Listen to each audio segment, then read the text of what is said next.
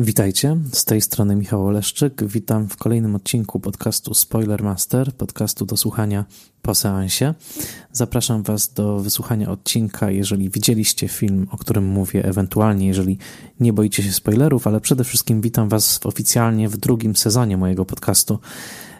Zaczynam w tym roku numerować odcinki od początku. Wszystkie poprzednie, niemal 30 odcinków, jest nadal do wysłuchania. Zapraszam serdecznie. Natomiast postanowiłem, że pierwszy odcinek tegoroczny roku 2020 będzie odcinkiem specjalnym. Odcinkiem specjalnym ze specjalnym gościem. Gościem, którego już znacie, jeżeli słuchaliście poprzednich odcinków Spoilermastera.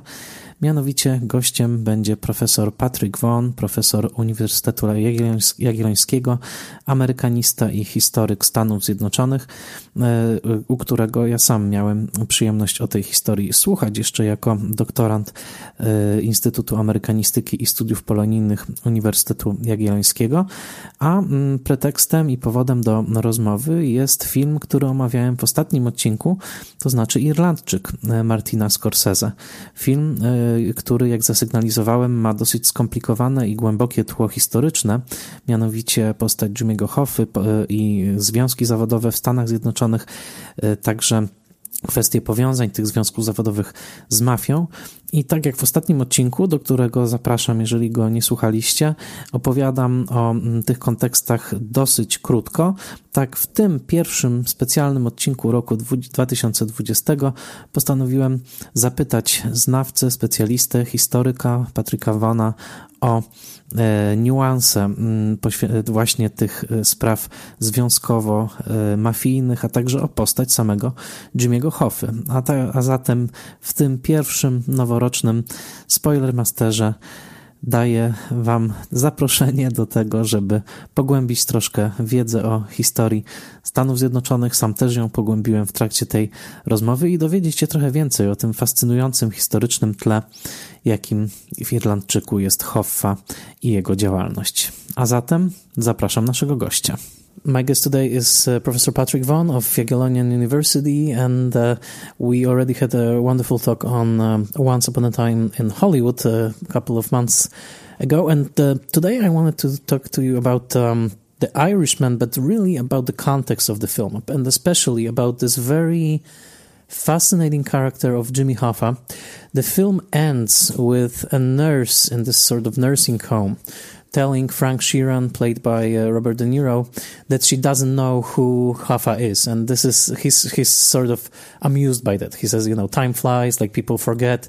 But there was a time in American history when everybody knew who Hoffa was, and when when when I was talking to my friends, when I was reading some responses online to to the Irishman, I I realized that in Poland Hoffa is completely unknown. So let's let's lay some groundwork. Like who who was Jimmy Hoffa and why was he so crucial to um, to history of, of labor in America and, in, and of crime in America?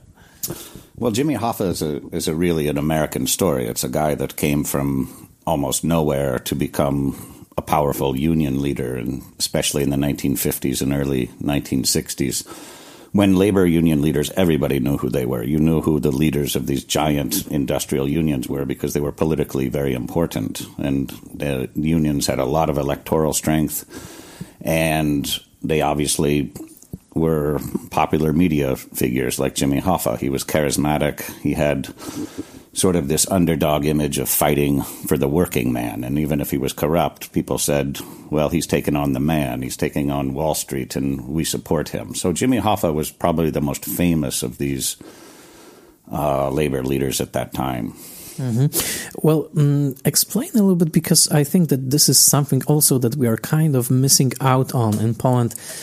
Um, the the history of labor in America, the history of um, unions uh, in, in, in America. We, we, we often don't realize here just how violent the conflict between the workers and the, let's say, the owners of the of, of factories between the capital could be. And, and especially in the 30s, it seems like it, it was, it was like, like a genuine war going on. Well, if you look at the history of early industrial capitalism, especially in the late 19th century, there were no such thing as labor unions. You could see that any attempt to, to, to organize one would be met with violence by the companies. They would just hire goons and just hit you over the head with an axe handle, you know, to discourage any kind of organization. But you can see if, if the early industrial capitalists, whether it's the coal mines or the steel industry in and around Pittsburgh or the car industry, probably Henry Ford, kind of an exception to this, but he was he paid a, a living wage, but he wasn't really friendly to unions. Unions were seen as a threat, or almost in terms of like the film uh, Matewan, you could see it was laced with communist, kind of the Red Scare era.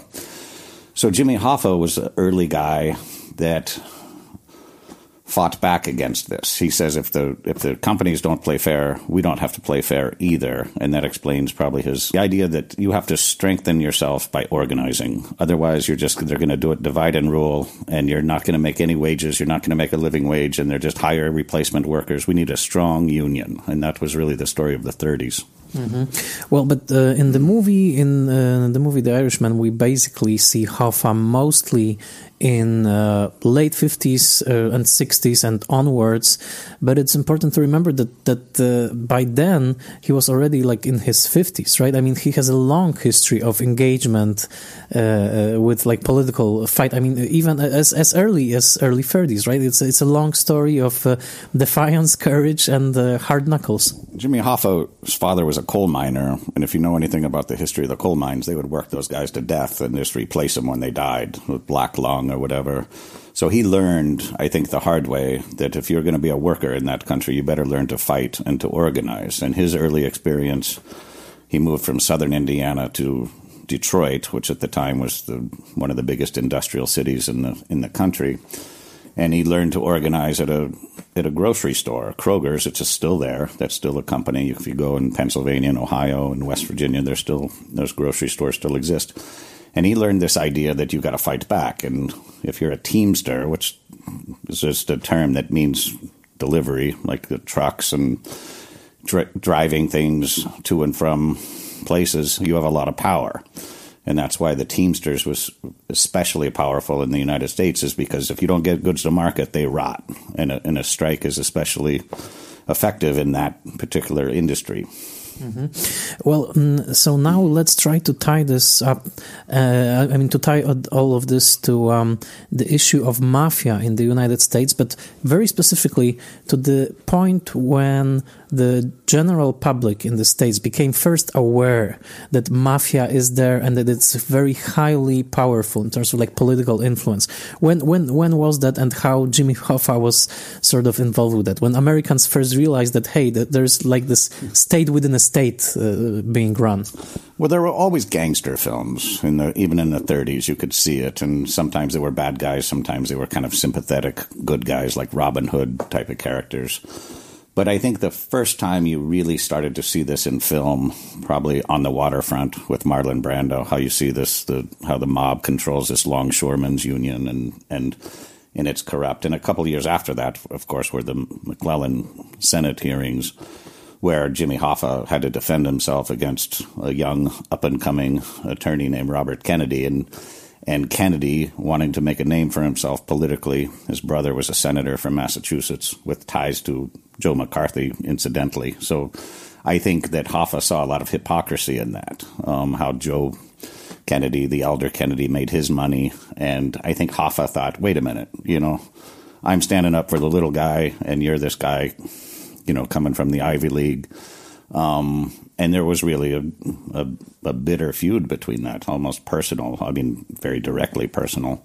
And that kind of made Hoffa even more of a champion, and he became president of the Teamsters shortly after that. And then Kennedy went after him. I mean, very, very directly. He went after Hoffa um, personally, and eventually Hoffa had to go to prison.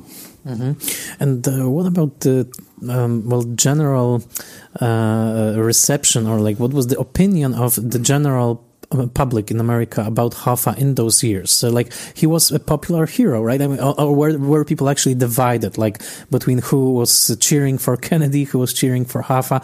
Like, how did this also affect the, the general, like, um, divisions within American society, almost also politically? Yeah, I mean, Hoffa didn't even finish high school. He's one of these guys that was smart, but not professionally or, or formally educated. So he had an edge to him that I think people thought he's standing up for the little guy and um, the worker. And in the days of the Eastern establishment, you know, between Boston and Washington D.C., where you had to be a WASP or a, go to the right schools to have any kind of public authority, these union guys were new, and and a guy like Hoffa, people said, "Hey, that guy talks like people I know, right? He's not a, you know, he he, doesn't use perfect English. He's he's got sort of a an image of a of a fighter." He was a short guy, I think about five five feet five, you know, really small guy. But he had this sort of a Jack Russell terrier type of personality where he was going to fight. And back then, nobody really knew. It's not like now where the media is everywhere. People just read about him, maybe an occasional news story about him. So probably Jimmy Hoffa had a bigger legend um, at that time as a guy that fights for truck drivers and, and warehouse guys. You know, that's a that's a very important role at a time when American highways were just being built and they're going away from train travel and freight trains going to trucks. That's a very important industry, and there's a lot of truck drivers that were becoming symbolic of this ordinary guy. The truck driver in American popular culture is really important. It's just usually a simple guy, honest guy, just doing his job. And so those guys liked Hoffa, and Hoffa played that up um, very well. Know. Right. Well, um, now that we think of him and of this sort of popular popularity that he had as, as a public figure, and we are talking in the year 2020 already, it seems almost like something from a different world. Like for a, for a leader of a, of a union, you know, to be that well known, recognizable. I mean, nowadays, you know, unions are not even, you know, they, they have no leverage whatsoever. I mean, so so much happened in between. But um, it seems like that was the moment when the when there was uh, this figure for just a regular American working guy to identify with and to trust. I think he he had a lot of. Uh, uh, like people had confidence in him. Yeah, and he was good at he was as good at PR. You know, he spoke simply, but he spoke effectively. Um, and I think really when he became a notorious figure is when the United States citizens started to hear about this thing called the mafia, or the Cosa Nostra, and this famous hearing in October of 1963 where this guy Valachi spilled the beans and talked all about this whole system of the organized crime and he talked about everything. And that was the first time I think the average American started to say, I didn't know this existed. And then people started to say, okay, that's who runs the Teamsters, and that's eventually what, you know, uh, created this this kind of sympathetic but also romantic image of the mafia. And you could see this in The Godfather a couple of years later, the novel first, and then the film that really made the mafia a household world and word. And also kind of sympathetic, right? Mm-hmm. They they weren't really ruthless gangsters. They were an organization just like the big three auto companies or something. They had their they had the way that they ran their life and they you know, very loyal. The family comes first lots of these things in the 1970s people were losing. Mm-hmm. So, in a nostalgic look back in the 50s, this this novel and the films had a certain appeal, and the mafia actually became. I think that's where Scorsese picked it up with Mean Streets and uh, and and this this idea of the mob being sort of a function of the underworld of America that needed to be this simply because they had nowhere else to turn. Mm-hmm. Like they so they like the Capone story where people, poor people liked Al Capone because he gave them food and presents at Christmas, and and I think Hoffa had that same sort of appeal until he went to prison, and when he got out of prison, it was a different country. I think. Mm-hmm well, there's always this appeal about gangster films and films about the mafia that this moral code that they operate operate by is very clear cut. Like there's very there are very clear clear rules to be to be followed, and if you follow them, you succeed. If you don't follow them, you you well you basically are wiped uh, wiped out. But um, and then you know in the in the late '90s you have Tony Soprano who is both a mafioso and an Archie Bunker kind of character. You know, like sort of like conservative guy who is out of touch with with uh, with the current cultural moments, to say the least. Yeah, and Hoffa was like that too. He was living in the suburbs and had just a normal family with a normal daughter and a normal son, but he was trying to live a double life. Right? They probably didn't know what he was doing, but I think Hoffa was a symbolic of these changing times. When he went to prison in 1967 and he got out in 1971, there was a lot of changes in American culture just in those four or five years. And one was Richard Nixon in 1972 was going very directly after this so-called blue collar vote. It's part of his Southern strategy that that all of these workers that used to vote for Democrats like Franklin Roosevelt or Harry Truman now they were put off by the counterculture, the Vietnam War protest, all of the turmoil of the 60s. And Nixon said, I can get those people to vote Republican for the first time. And Nixon was very sympathetic. Like he had hard hat guys coming to the White House and visiting him. And I think the pardon of Hoffa in 1971 was part of this. I think there was a very deliberate attempt to say, I'm a Republican, but I support the worker, like Jimmy Hoffa. And Hoffa became a symbol of this. He was released from prison. And J- Jimmy Hoffa in 1972, when he got out of prison, he thought the world was still the same as when he went in, but it was a very different world, as he would find out, and you can see that in the film. Mm-hmm. Uh, well, uh, you were a teenager. You were growing up in 1970s, uh, around the time that Hoffa disappeared. Can, do you have any recollection of, of, of, that disappearance and of the whole media havoc that uh, started and basically never really subsided? Well, in I was just a kid, so I don't want to claim that I was really aware of what was going on. By that time, Jimmy Hoffa's disappearance almost became a punchline on, on Johnny Carson monologue. It was up there with Bigfoot, the Loch Ness Monster, um, you know, Amelia Earhart, all of these kind of mysteries that sustained the legend. People would always say he's buried underneath the Meadowlands at Giant Stadium, a football stadium, which became kind of an urban legend. But I think what really happened was that, that Hoffa came out and he wanted get to get back to the leadership of the Teamsters, and people said we have the, our own guy now, this Frank Fitzsimmons guy who is doing a good job leading the Teamster Union, and he's easier to deal with, and meaning that the mafia was probably getting loans from uh, the Teamsters interest free, probably illegal, and Hoffa got out and he started to be resentful and he started to maybe I'm going to talk about all these secrets and I think that's eventually what got him. Uh, this disappearance really probably wasn't that mysterious if you look at it. Probably it was a very efficient job and they got him very quickly to some place, got rid of his body and that was the end of the story. But in films like JFK and all of these films, the the mystery and the the unknown is more interesting sometimes than what might have actually happened. I have a feeling that was a very professional job. They knew what they were doing. They took his body somewhere really fast, got rid of it, and nobody talked mm. after that. And that's kind of a boring story, but that's my guess of what, what happened. Yeah. Mm-hmm.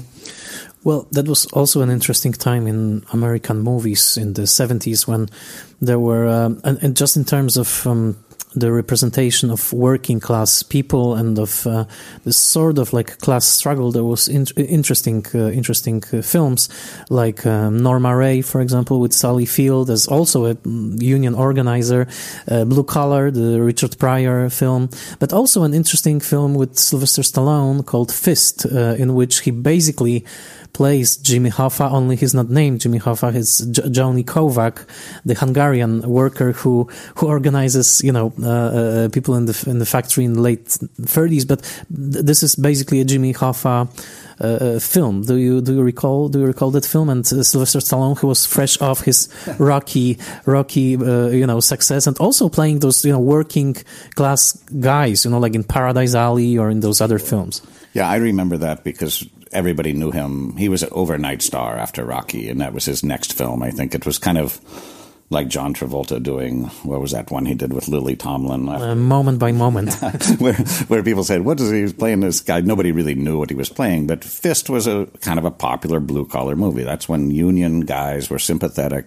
Um, fighting against corruption in Wall Street. They're trying to do their best, fighting an underdog story. Norma Rae, Sally Field was the same. She got an Oscar for that, right? Mm-hmm. You know, and I think there were a lot of films like that in the '70s that probably people don't understand today.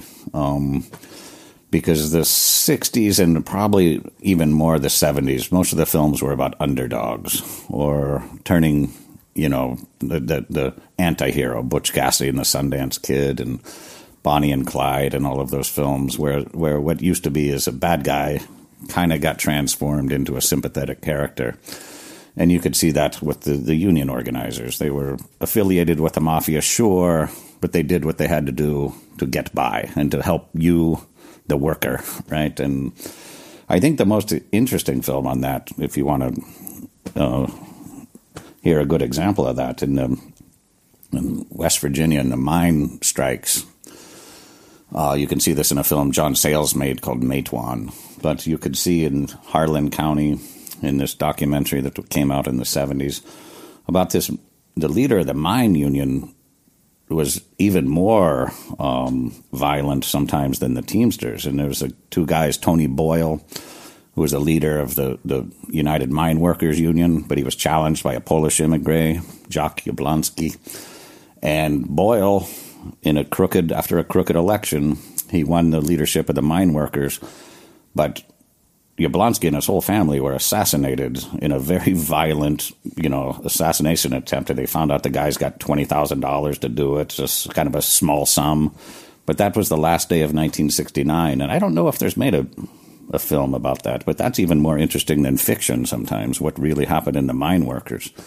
So it was a really violent time where workers were losing their rights after the 50s. That was the peak of union membership. And since then, it started to decline to where we are today, where if you ask a kid now who's the leader of a union, they don't look, they look at you like with dog hair and a funny noise. They don't even know what you're talking about. You know?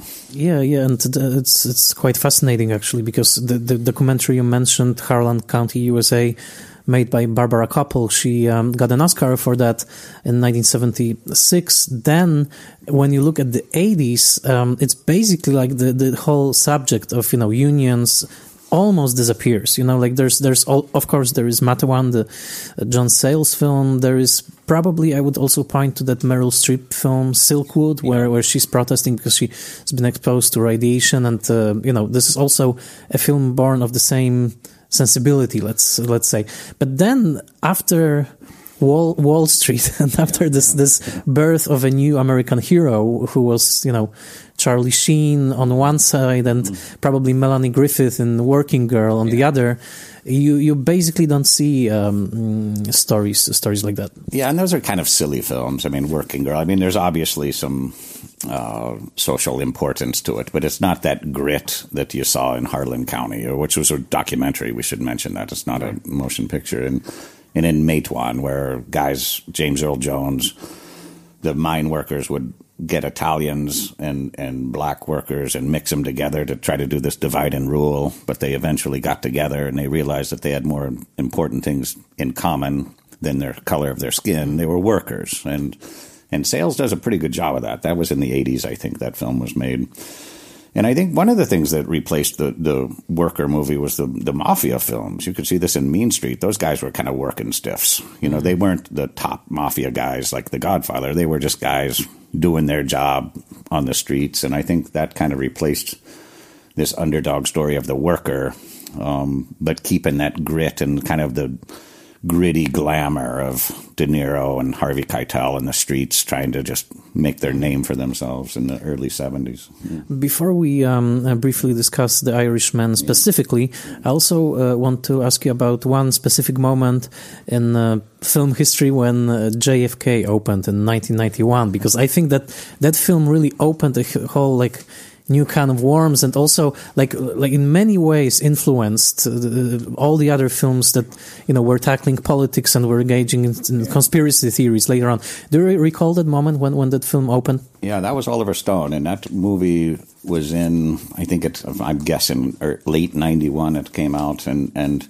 that tied up a lot of things from the 60s from uh, especially the organized crime links to that, which involved Hoffa, by the way. You know, Hoffa is one of those guys who's connected to everything the Monroe, Marilyn Monroe, Bobby Kennedy, John Kennedy, the mafia, Cuba, Castro. And Oliver Stone tried, tried to tie all that together, and it disturbed some people because um, he made some very direct accusations in that film um, and used some composite characters. The Donald Sutherland character, I forget, it was Mr. X or something.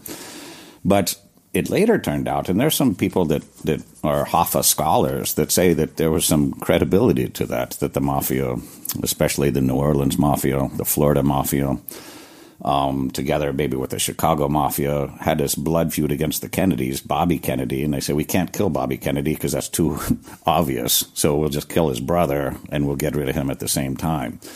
That was the idea how the mob and Castro and the anti-Castro uh, emigre community came together and took out the president. And it was a controversial movie. I think if you made it now, it would be even more so. I think in 91, it was before social media, and the movie mm-hmm. came and went, and then it went on to video, and people kind of got on with their lives. But it was a pretty bold statement that Oliver Stone made in that film.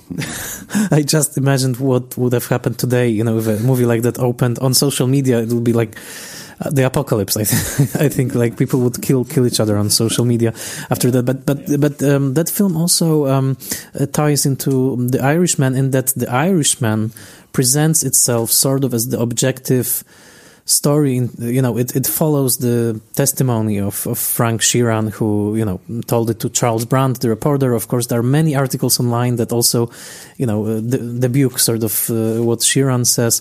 But I want to ask you about one specific scene um, when Hoffa, played by Al Pacino, learns of uh, Kennedy's assassination. He's in Miami, he's in this sort of diner he's uh, indulging his uh, taste for ice cream again, which is which is like straight in this film, and he sort of just looks very very like calmly at the TV set, and then he comes back and he eats his ice cream.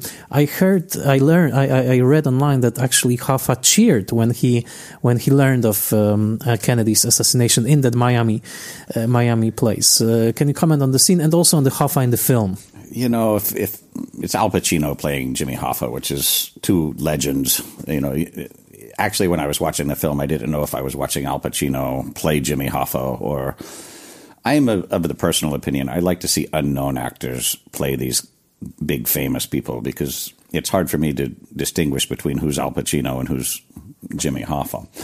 But I think probably if you read anything about Jimmy Hoffa, he really hated the Kennedys. I mean, it was the the film with Robert Blake was actually called Blood Feud. It was a made for TV film when I I think in the early '80s or something when.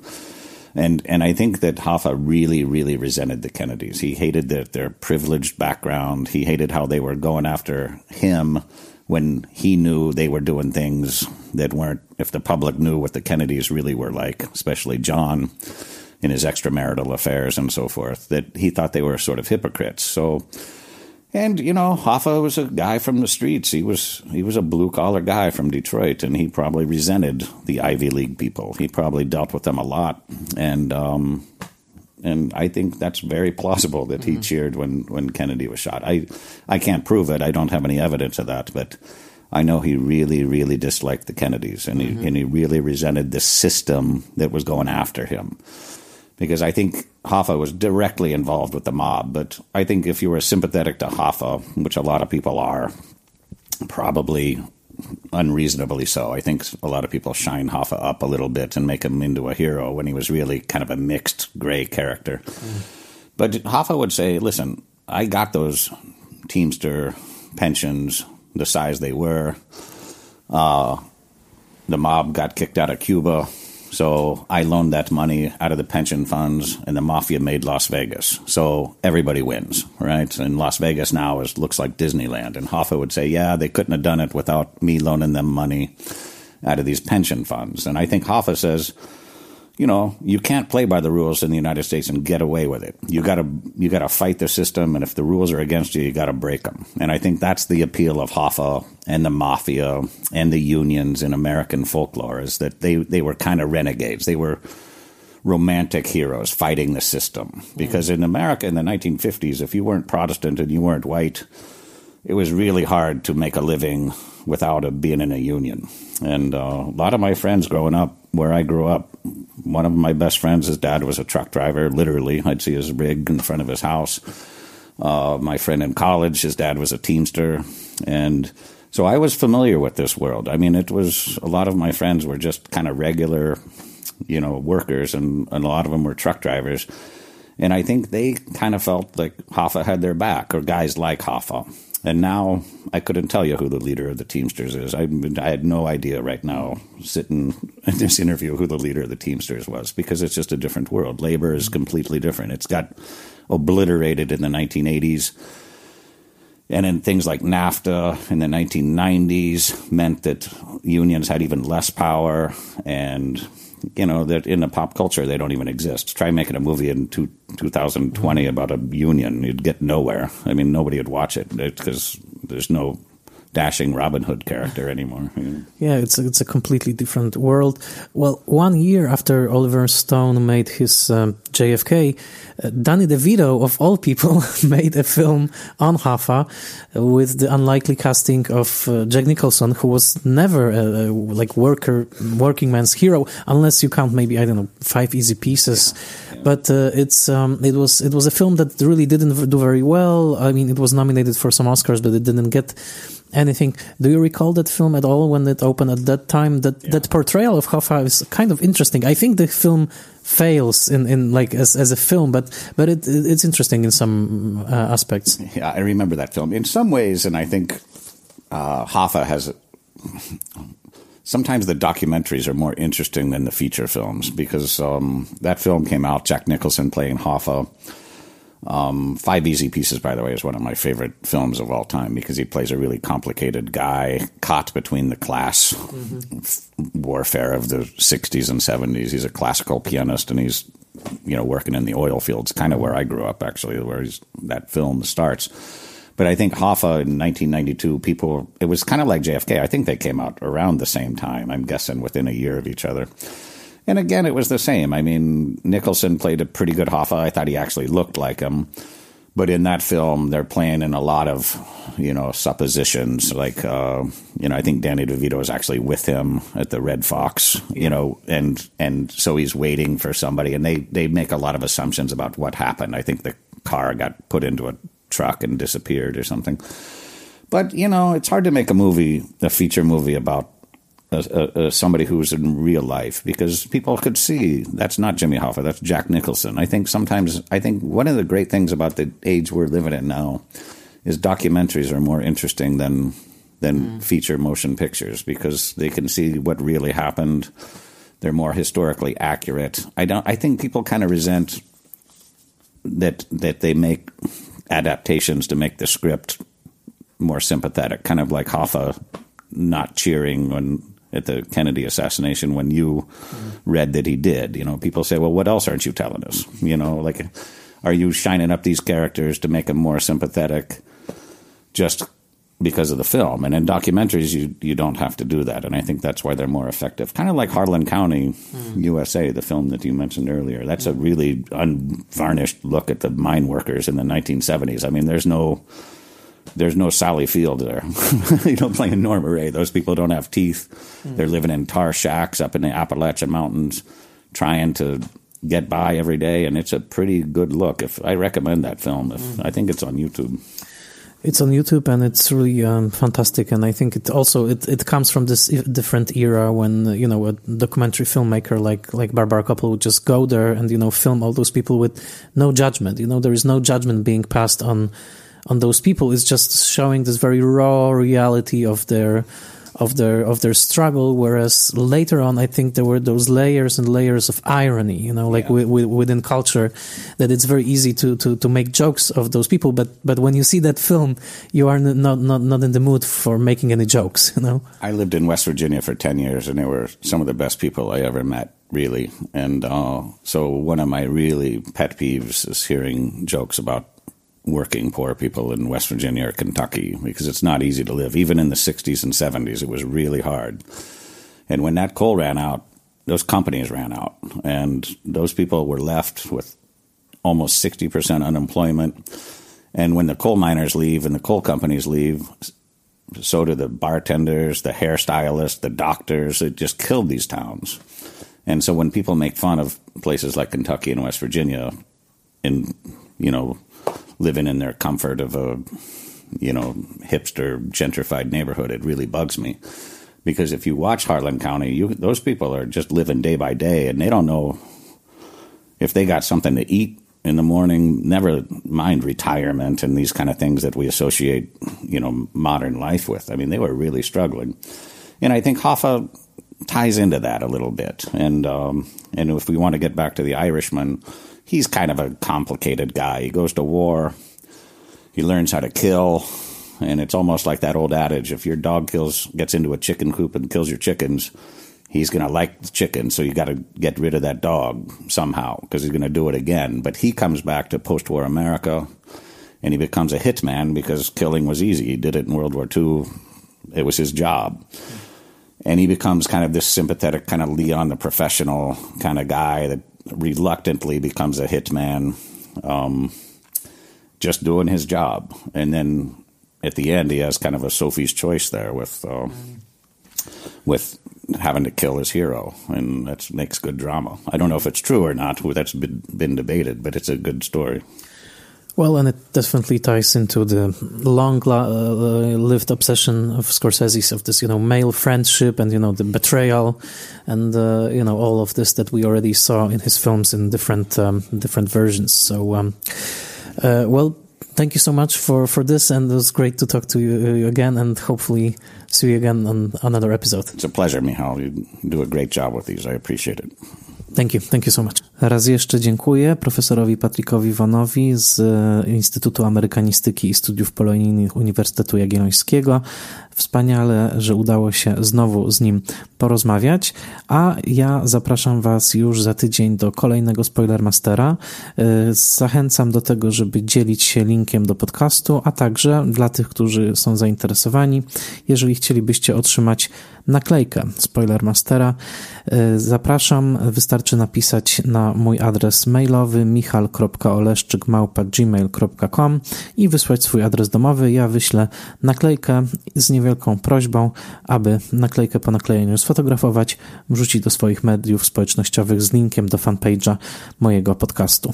Bardzo Wam dziękuję. Witam raz jeszcze w roku 2020, a także polecam, żeby zajrzeć na mojego bloga Ostatni Fotel po prawej stronie, gdzie opublikowałem pełne podsumowanie roku 2019 po podzieliłem wszystkie filmy, które obejrzałem na kategorie i ten, e, e, to zestawienie można e, obserwować na stronie. Także ostatni fotel po prawej stronie. Zapraszam i do usłyszenia w następnym odcinku.